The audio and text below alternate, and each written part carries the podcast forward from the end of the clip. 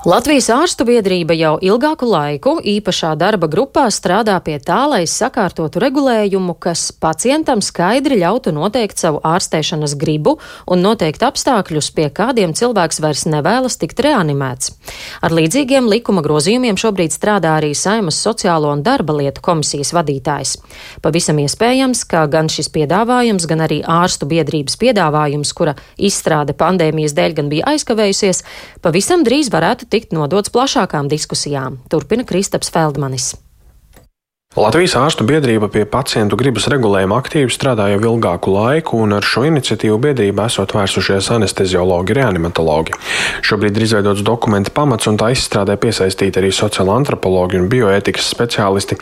Regulējumu paredzēts pārunāt arī ar pacientu organizācijām, stāsta Latvijas ārstu biedrības vadītāja Milze Aizsilniece. Ir izveidots pamatdokuments bet ir jāsaprot, kādā veidā to legalizēt. Ja es, piemēram, kā pacients izsaku savu gribu par to, vai man reanimēt vai nereanimēt, kurā situācijā, kurš tiesīgs šo dokumentu tā kā parakstīt, kāda ir tā kārtība kuros miekļos to drīkst parakstīt, kas var apstrīdēt. Un tur ļoti daudz nianses, kuras ir jāizdiskutē ar pacientu organizācijām. Viens no ārstu biedrības darba grupas dalībniekiem ir Bērnu Kliniskās Universitātes slimnīcas anestezioloģijas un intensīvās terapijas klīnikas pediatrs Reinis Balmaks. Viņš nedaudz plašāk izskaidro atsevišķas dokumenta nianses. Tur varētu vairākās tādās grupās, ja to visu kategorizēt. Pirmais, kas ir, tad, tad pirms jau cilvēks vispār kļūst par pacientu, vai viņam ir iespēja paust uh, savu gribu par to, kādas ārstniecības metodas tiek pielietotas vai netiek pielietotas un kādos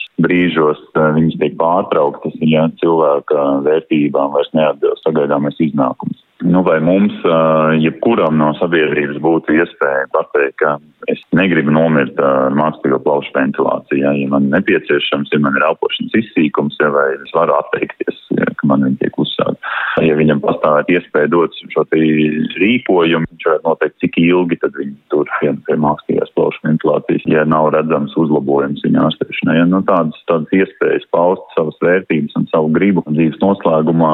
Dokumentam darba grupa devusi patiesi sarežģītu nosaukumu - dzīvības uzturošo ārstniecības metožu neuzsākšanas un pārtraukšanas juridiskais un ētiskais ietvers. Respektīvi, mēs atrunājam tos stāvokļus, nu ne tikai medicīniskos stāvokļus, arī ētiskos principus un juridisko šo ietvaru, kas ir pamatā situācijām, kad nu, būtu pieejama kāda ārstniecības metode, bet viņa nebūtu liederīga uzsākt. Vai arī tieši pārtraukt. Tas tāds jau sarežģītāks būtu gadījums. Balmaks gan skaidro, pacienta griba jau arī šobrīd ir ārstiem saistoša. Pacientam ir tiesības piekrist vai nepiekrist ārstēšanas metodēm, tomēr tagad jāsakārto tas, kā šo gribu nostiprināt jau iepriekš potenciālam nākotnes situācijām. Nepieciešamību sakārtot kārtību, kādā pacients var izteikt un kā tiek reģistrēta viņa griba, uzsver arī medicīnas tiesība eksperta Solvita Olsena. Viņa skaidro, cilvēkam ir tiesības piekrist vai atteikties no ārstēšanas, taču ir jādomā, kāds ir labākais process, lai cilvēks šīs tiesības varētu īstenot. Mums ir jārespektē cilvēka cieņa, jāaizsargā cilvēka cieņa, jārespektē cilvēka brīvība, jāļauj viņam pašam pieņemt lēmumus par visām savām situācijām. Un kas mums ir ļoti svarīgi, ir jābūt skaidri noteiktai kārtībai, un kas mums pietrūkst Latvijā, kādā veidā cilvēks šo savu gribu izsaka, kas kurā vietā šo gribu kādā veidā reģistrē, un e, kādā veidā šo cilvēku izteikto gribu īsteno, ja tajās situācijās, kad viņš pats vairs nevar atbilstoši izlemt. Olsena norāda, ka tiesības sabiedrībā ir, tomēr pietrūkst skaidrības, kā tās īstenot, jo arī mediķi, kas nav mācījušies veselības tiesības, nereti nezina, kā ļaut pacientam tās īstenot. Bērnu slimnīcas anestezioloģijas un intensīvās terapijas klīnikas pediatrs Reinis Balmaks skaidro, ka jau šobrīd, pārunājot situācijas ar vecākiem, ir gadījumi, kad pacienta griba tiek ievērota un dzīvība netiek uzturēta vien tādēļ, ka teorētiski tas iespējams. Jau bez ļoti skaidri pausta dokumenta esošās likumdošanas ietvaros aizvien vairāk cilvēki tiek novirzīti tādai hospice aprūpē, palietīvai aprūpē, aizvien mazāk dzīvība beidzās tieši kā neveiksmīga reanimācija. Nu, es par bērnu slimnīcu konkrēti par runātu aizvien biežāk mēs runājam ar vecākiem, skaidrojam, kādas ir prognozes, kādas ir iespējas, un savukārt no vecākiem prasam, kādas ir viņu vērtības un vēlmes, un kādas uh, būtu bijušas bērna vērtības un vēlmes šādā situācijā. Un tad pieņemam lēmumu, kad turpināt un kad pārtraukt uh, dzīvu uzturošās metodas. Balmaks uzsver, runa gan ir par ļoti retiem un patiesi bezperspektīviem gadījumiem.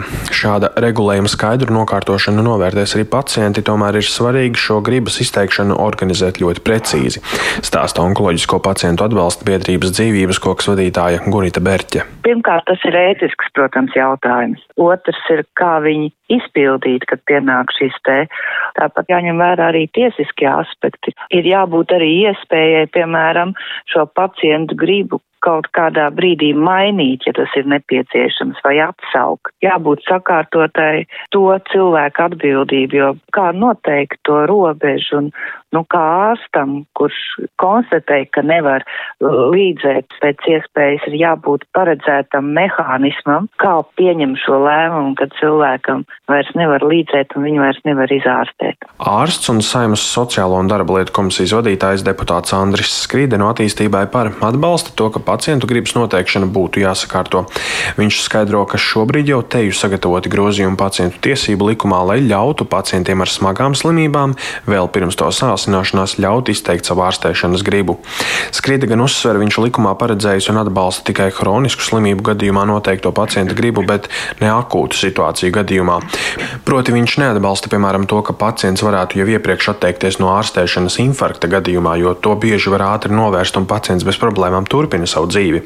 Skrīdē ar šādām situācijām, kad būtu svarīgi iespēja izteikt savu gribu, saskāries arī pats kā ārsts. Man bija viena tante, kurā nu, pati jau apzinājās, ja, ka viņa negrib, teiksim, reanimēt, viņa bija kardioloģiski slima un viņa vienmēr nesa līdzi slimnīcām un visur, kur brauc tādu ietītu rullīti, kur bija uzrakstīts tādā skaistā glītā rokrakstā. Lūdzu, ja es nomirstu, mani neatdzīviniet. Bet tas bija tā kā, nu, ne jau nelegāli, bet tas bija nekur neapstiprināti, un to vajag vienkārši valstiski noteikt. Tikmēr Latvijas ārstu biedrības vadītāji pagaidām nemin konkrētu laiku, kad regulējums būs pilnībā izdiskutēts, tomēr norāda, ka līdz brīdim, kad biedrība varēs piedāvāt savus konkrētus piedāvājumus, paies vēl vairāk mēneši. Kristaps Feldmanis, Latvijas radio.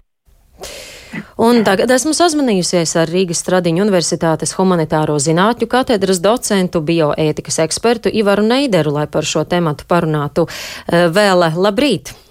Labrīt, labrīt. Eh, kas ir tie paši svarīgākie atslēgas punkti, kas eh, šādā regulējumā jūsu ieskatā būtu jāsakārto? Nu, tas tāds varbūt ir tehnisks jautājums, ko jūs, ko jūs uzdodat, un te jau uh, lielākā daļa aptaujātu eksperts ir norādījusi tām nu, būtiskākajām problēmām, kādas šajā gadījumā uh, mums ir. Un, pirmkārt, protams, tās būs dažādas tehniskas problēmas, uh, kā, mēs, kā, kā šī griba tiek fiksēta, uh, kādas ir iespējas viņu mainīt, uh, lai pēc iespējas uh, novērstu dažādus nu, atpratumus un neskaidrības, kas šajā jautājumā ir.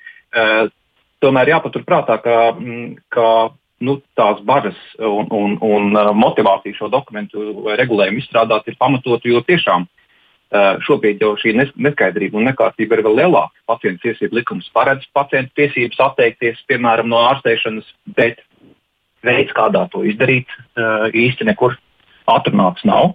Tāpēc šāds dokuments ir vajadzīgs. Nu, pirmkārt, protams, respektējot, respektējot katra individuālā pacienta tiesības pieņemt šādus svarīgus lēmumus, kas attiecas uz viņu eh, veselību un dzīvību. Mm -hmm.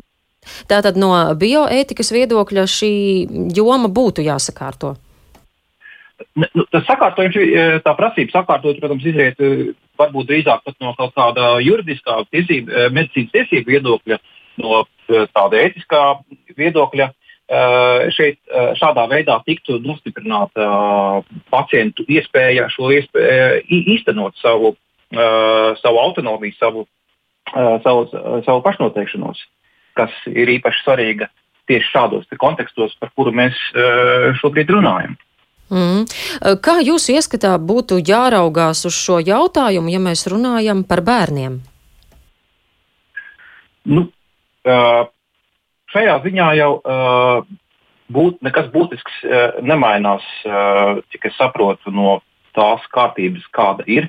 Un, un, un uh, uh, Reinis Balmaks jau tajā cīņa daļā, ko es dzirdēju, ieskicēja šo uh, pamatprincipu, kā, uh, protams, bērnu gadījumā.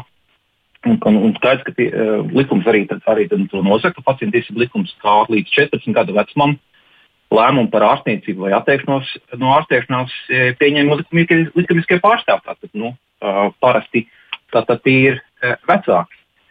Mazliet tāds neskaidrāks jautājums ir, ko, ko darīt ar tiem bērniem, ja, kas ir kas ir vecumā no 14 līdz 17 gadiem, kuriem tātad, kuriem varbūt uh, visai bieži varētu atšķirties viedoklis no vecākiem. Tad, uh, uh, kā rīkoties šajā situācijā? Šeit ir nu, tāds tā, tā praktiski risināms uh, jautājums, jo viņiem tomēr uh, saskatīt, viņi ir sasnieguši pietiekami briedumu pakāpi, lai viņiem būtu kaut kāds skatījums uz, uz lietām jau savs tas nevienmēr sakas ar vecākiem, un tad šeit ir vidu ir, ir ārsts, kuram, kuram ir kaut kāda šī medicīniskā informācija. Tad, uh, tad šeit uh, es redzu problēmas, bet tās daudz kaut kādas jaunas problēmas, kas būs saistītas tieši ar šo jautājumu. Tās problēmas, kas saistītas arī ar nu, ikdienas uh, lēmumu pieņemšanu par, par ārstēšanu jau, šo, jau šobrīd. Mm -hmm. Bet nu, saistībā ar šādu iniciatīvu būtu iemesls katram pilsonim padomāt par šādām izvēlēm savā dzīvēm.